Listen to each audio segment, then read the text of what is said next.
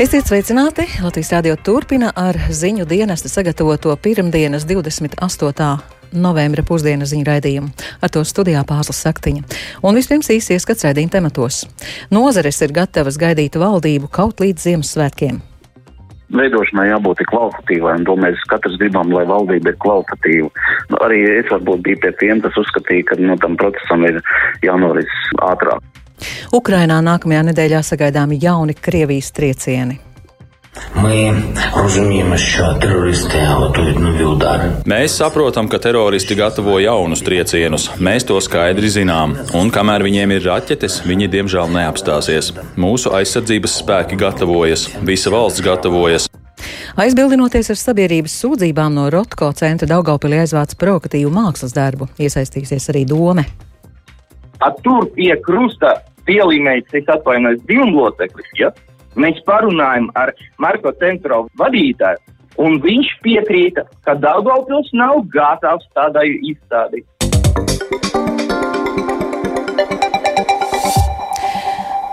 Nākamā nedēļa varētu būt sarežģīta Krievijai gatavojoties jauniem triecieniem pret Ukrainu. To savā ikvakara uzrunā norādījis Ukrainas prezidents Valdimirs Zelenskis.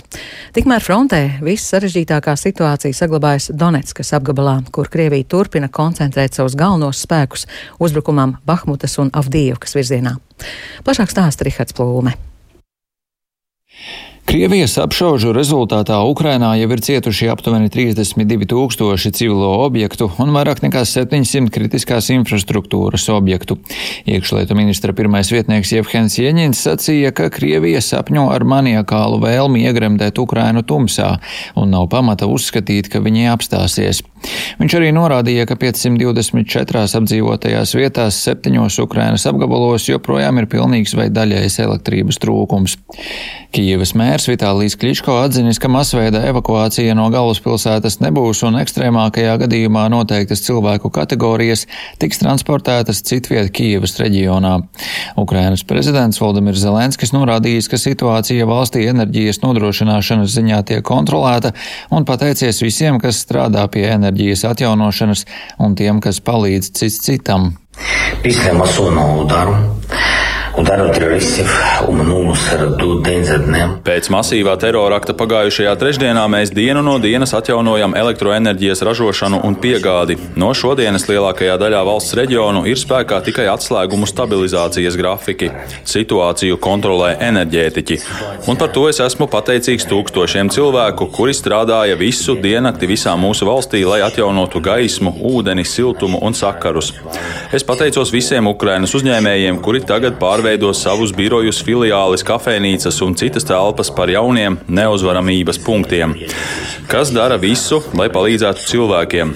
Ukrainas vienotība atkal un atkal demonstrē savu spēku, demonstrē mūsu efektivitāti.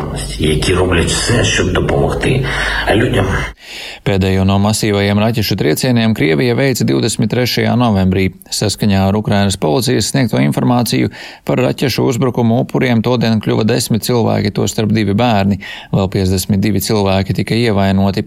Tomēr Zelenskis brīdinājis, ka Krievija gatavo jaunus triecienus šonedēļ. Mēs saprotam, ka teroristi gatavo jaunus triecienus. Mēs to skaidri zinām. Un kamēr viņiem ir raķetes, viņi diemžēl neapstāsies, bet mūsu spēja palīdzēt cits citam un rūpēties par visneaizsargātākajiem, veciem cilvēkiem, ģimenēm ar bērniem, tiem, kas zaudējuši mājas un tuviniekus karā, mūsu savstarpējā palīdzība ir viens no aizsardzības pret teroru un mūsu spēka elementiem. Nākamā nedēļa var būt tikpat grūta kā pagājušā nedēļa. Mūsu aizsardzības spēki gatavojas, visa valsts gatavojas. Mēs izstrādājam visus scenārijus, arī ar mūsu partneriem. Prezidenta biroja vadītāja padomnieks Mihailo Podaļaks uzsvēris, ka Krievijas masveida raķešu uzbrukumi Ukrainas enerģētikas sistēmai neietekmē situāciju frontē. Runājot par frontē notiekošo, Zelenskis izteicies, ka situācija saglabājas ļoti sarežģīta un vissarežģītākā tā joprojām ir Donetskas apgabalā. Ukraina darot visu iespējamo, lai stiprinātu savu aizsardzību.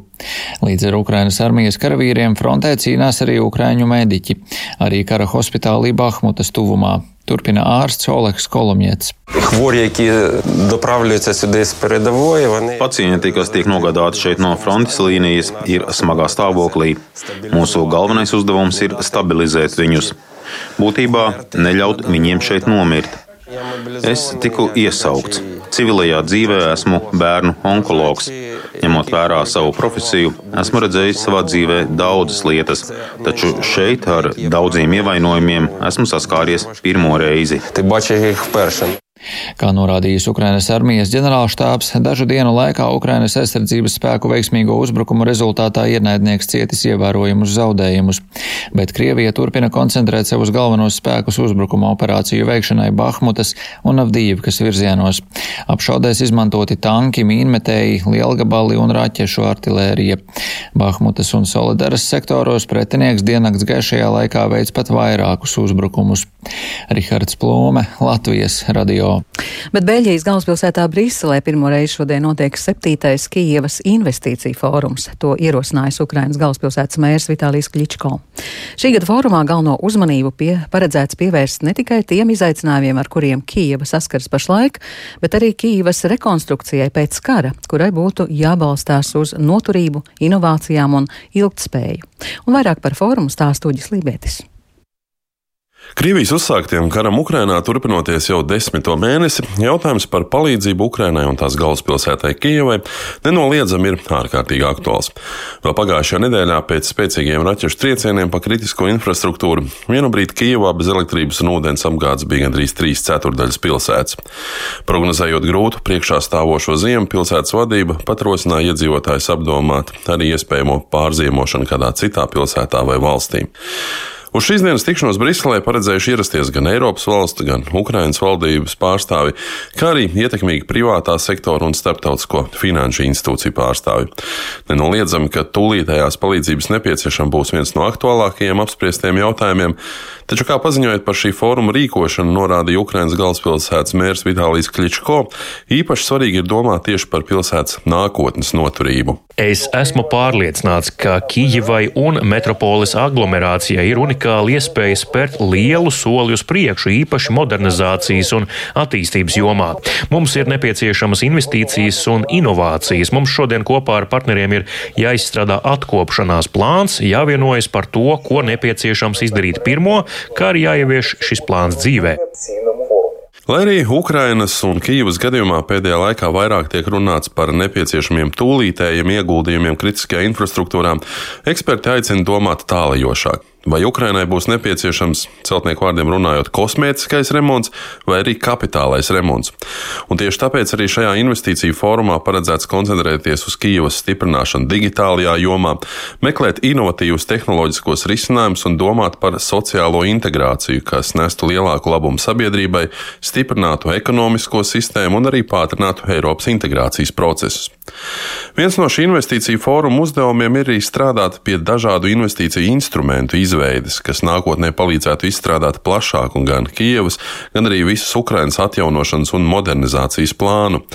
Kā norāda Ukrainas pārstāvis Startautiskajā valūtas fondā Vladislavs Raškovans, pašlaik ļoti nozīmīgi ir tādu starptautisko finanšu institūciju kā Valūtas fonds, Eiropas Rekonstrukcija un attīstības banka un Pasaules banka sniegtais finansiālais atbalsts.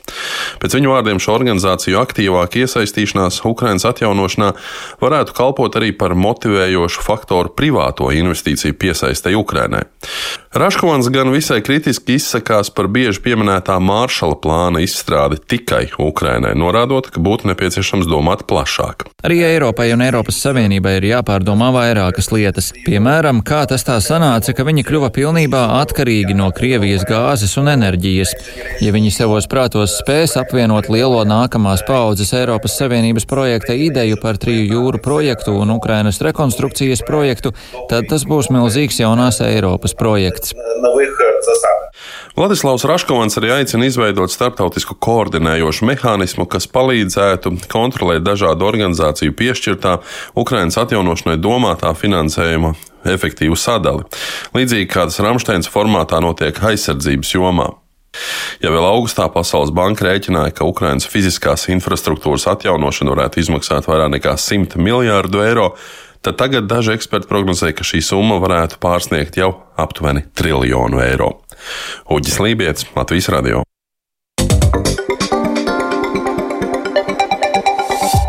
Labāk, lēnāk, bet kvalitatīvāk. Tomēr pārāk ilgi vilkt garumā arī nevajadzētu. Šādi valdības veidošanas tempu vērtē Latvijas radio uzrunātie eksperti. Viņi cer, ka līdz decembra vidum, vēlākais Ziemassvētkiem, jaunā valdība būs. Tematu turpina Linda Zalāne. Vispirms kvalitāte un pēc tam ātrums. Šādu viedokli pauž Latvijas radio uzrunātie eksperti, sakot, ka šī valdība vēl nebūtu nav pārspējusi iepriekšējās valdības veidošanas rekordu četrus mēnešus. Cerība, ka līdz decembra vidum, vēlākais Ziemassvētkiem, jaunā valdība būs esot gana pamatota. Latvijas pašvaldības savienības priekšsēdis Gins Kaminskis uzsver, process ir ilgs, bet no malas ietekmēt neviens to nevar. Veidošanai jābūt kvalitatīvai, un to mēs katrs gribam, lai valdība ir kvalitatīva. Nu, arī es varbūt biju pie tiem, kas uzskatīja, ka nu, tam procesam ir jānoris ātrāk. Nu, to mēs visi gaidām, gan runājot par budžetu, gan runājot par jebkuriem darbiem, kas ir jāpieņem jau jaunajai valdībai. Bet eh, šo procesu jau mēs ietekmēt kopīgi no malas mēs nevaram. Mēs varam tikai gaidīt rezultātu, lai pēc iespējas ātrāk būtu jaunā valdība. Gins Kaminskis teica, ka ir skaidrs, ka nākošo gadu valsts sāks ar pagaidu budžetu, un tas tiešā veidā ietekmē arī pašvaldību budžetus. Pat laba noris darbs pie valdības deklarācijas, bet pēc Kaminska domām vienlīdz svarīgi ir izveidot kvalitatīvu rīcības plānu tālākiem darbiem. Tad ir eh, tie jautājumi, kas ir jāatrisina, nu, sākot no Ukraiņu bēgļu jautājumu, pašvaldībām eh, jautājums par garantētās minimālās iztikas nodrošināšanu vai piemaksām, kam vajadzētu būt par mājokļu pabalstiem. Par tiem jautājumiem, kur viss ir nu, solīti, tā pašā laikā mēs gaidām, protams, finanšu ministra rīkojumu, lai pašvaldības var šos savus budžetus pieņemt un pēc tam, ja nāk grozījumi, protams, arī pārstrādāt. Jo ietekme, kā mēs zinām, būs ļoti milzīga, faktiski tieši arī uz pašvaldību budžetiem. Šodien Latvijas pašvaldības savienības vadība rīko arī tikšanos ar tiem politiķiem, kuri līdz ievēlēšanai 14. saimā strādāja pašvaldību domēs, lai pārunātu turpmāko sadarbību. Gandarīti par neatstāšanu aiz borta, bet tā teikt atvēlētu vietu uz laivas, vērojot valdības deklarāciju, pauž uzņēmēju pārstāvis. Turpina Latvijas darba devēja konfederācijas prezidents Andris Bitte. Lietas, ar ko mēs kā uzņēmēju organizācijas nodarbojāmies un uh, cīnījāmies, sākumā bija tomēr panākt solīto iesaisti deklarācijas sastādīšanā, sagatavošanā, un ar mainīgām sekmēm mēs arī panācām savu, tā kā arī esam aktīvi iesaistīti vienā grupā vairāk, vienā mazāk, bet kopumā esam iesaistīti. Uz jautājumu, kā vērtē valdības veidošanas procesu gaitu un ilgumu, Andris Bitte pauž šādi. Ja jāizvēlās starp ātrumu un kvalitāti, labāk ir kvalitāte. Pagājušajās vēlēšanās gāja četri mēneši viss šis jautājums. Līdz ar to nebūtu galvenais jautājums ātrums. Tomēr nevaru spriest par ilgspēju. Jautājums tieši tāpēc ir svarīgi, vai šobrīd sākumā vienosies un izstrīdēsies vai izargumentēs un pieņems kopīgus punktus, pie kuriem strādāt, un tad pie tiem arī pieturēsies, lai nav, kad uh, sastais ar valdības deklarāciju ļoti vispārēju apaļu, kur visi piekrīt, bet nekas konkrēts, un pēc pirmā konkrētā jautājumu lemšanas tie sadalās un aizsien katrs savu ceļu. Pat laban valdības veidojušo partiju stīvēšanās raisa jautājumu, cik ilgtspējīga un rīcības spējīga šī valdība būs, kad tā beidzot tiks izveidota un sēdīsies pie viena darba galda. Latvijas Universitātes sociālo zinātņu fakultātes profesors, politologs Juris Rozenvalds intervijā Latvijas televīzijai izteica šaubas. Es prognozēju, ka valdība izveidosies, bet vai tā būs ilglaicīga? Teiksim, četrus gadus par to šaubos. Man liekas, ka Kariņa iepriekšējā Kariņa valdība pastāvēja tik ilgi nevis tāpēc, ka tā bija ļoti veiksmīga, bet tāpēc, ka nebija citu variantu. Bet katrā ziņā ir cerības, ka valdība būs līdz Ziemassvētkiem, tā kā vajadzētu, jo citādi kļūst nepiekāpīgi. Darbs pie valdības deklarācijas turpinās arī šodien. To Latvijas radio apliecina apvienotā saraksta frakcijas priekšsēdētājs Edgars Tavars. Tā vienlaikus jāmin arī, ka tādi sarežģītākie izaicinājumi bagātākie jautājumi vēl mums stāv priekšā. Es nesaukšu tās par domstarpībām, es nesaukšu tos par sprunguļu mešanām, kā mēdz raksturot.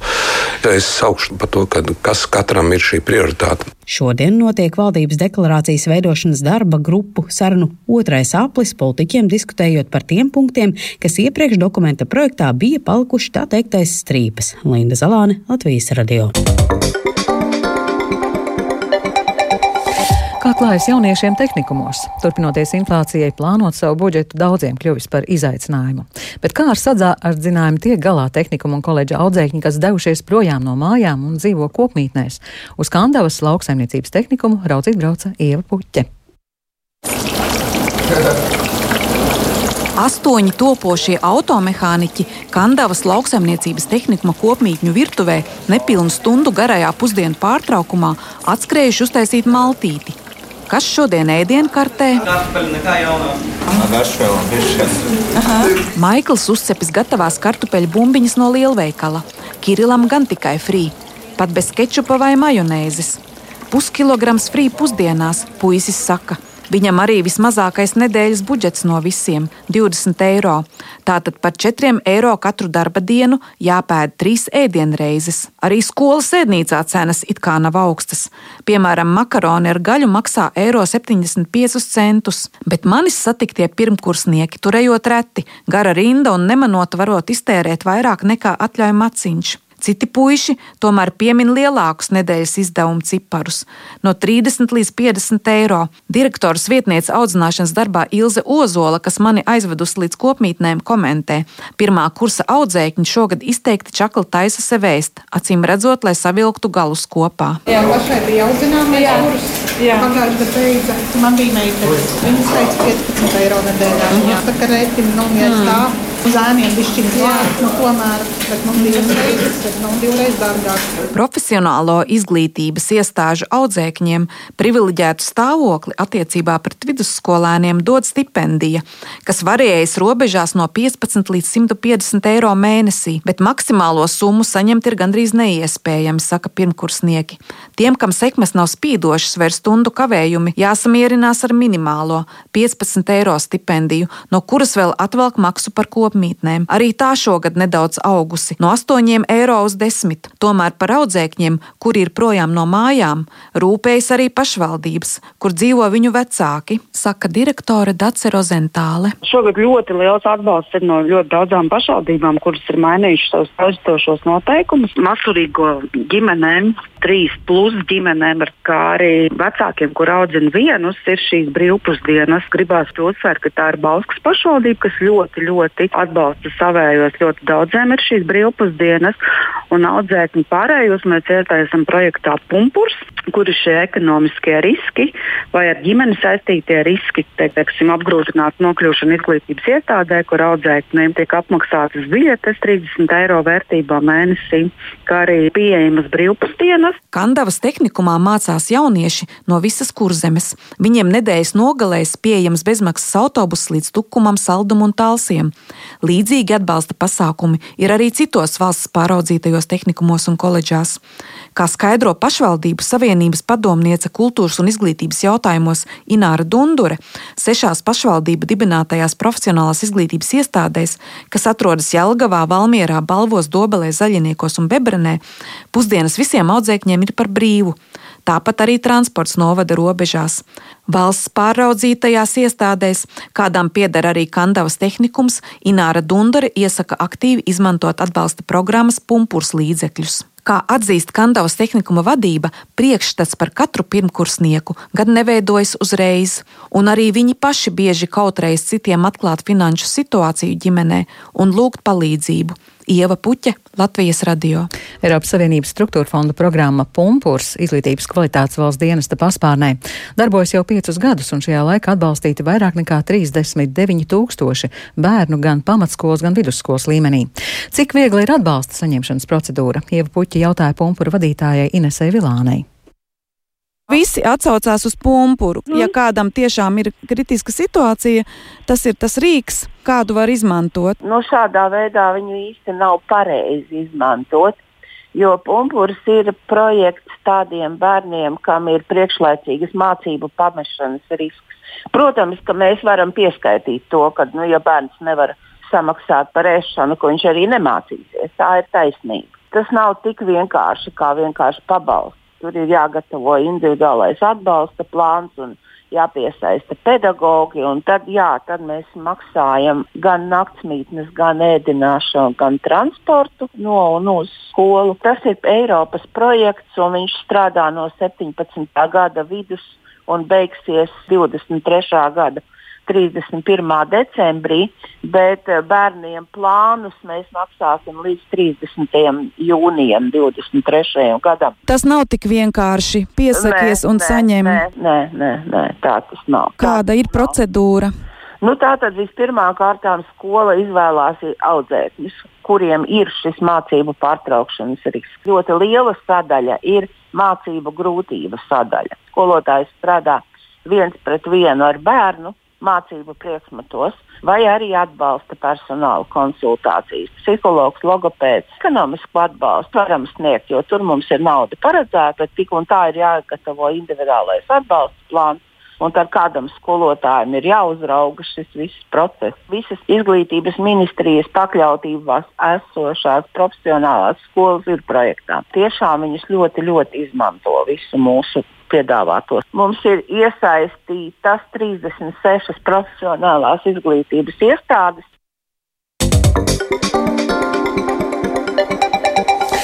Un vēl no Daugaupils Marka Rotko mākslas centra izstādes izņemti vairāki mākslas darbi. Un tas noticis tādēļ, ka mākslas centrā un pilsētas domē vērsās reliģisko konfesiju, dažādu kultūras biedrību pārstāvju un iedzīvotāju ar nosodījumu par redzamo izstādē nāvīga vēlme nonākt pēcnāvē. Kas raisīs Daugaupiliešu sašutumu, skaidroja Silvijas Magare.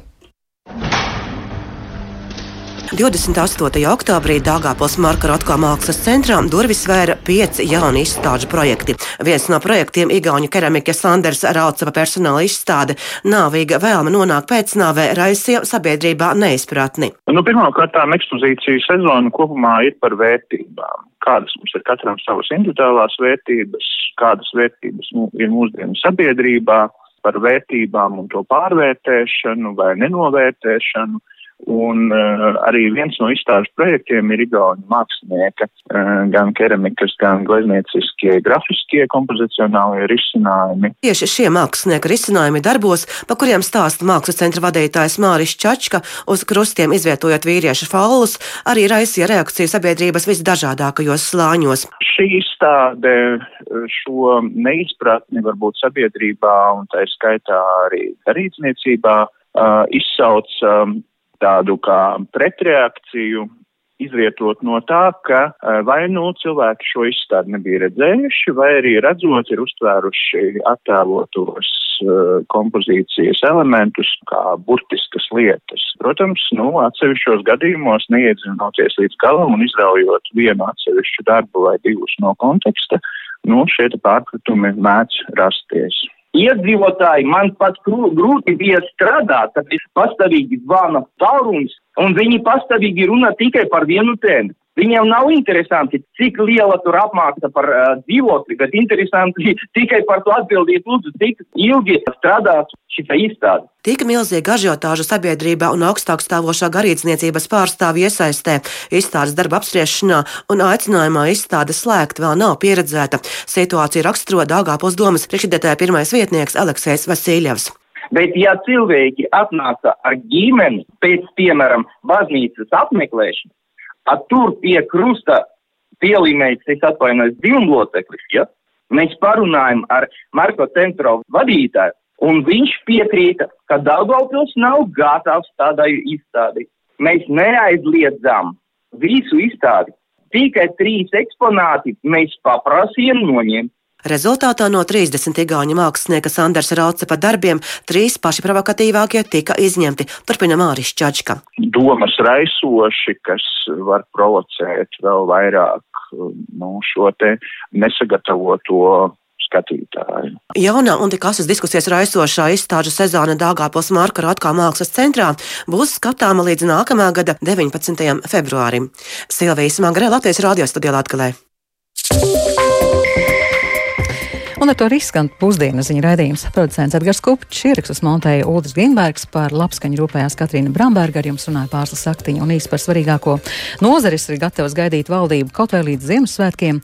Ukrainā sagaidāmi jauni Krievijas triecieni un frontē viss sarežģītākā situācija saglabājas Donetskas apgabalā. Yeah.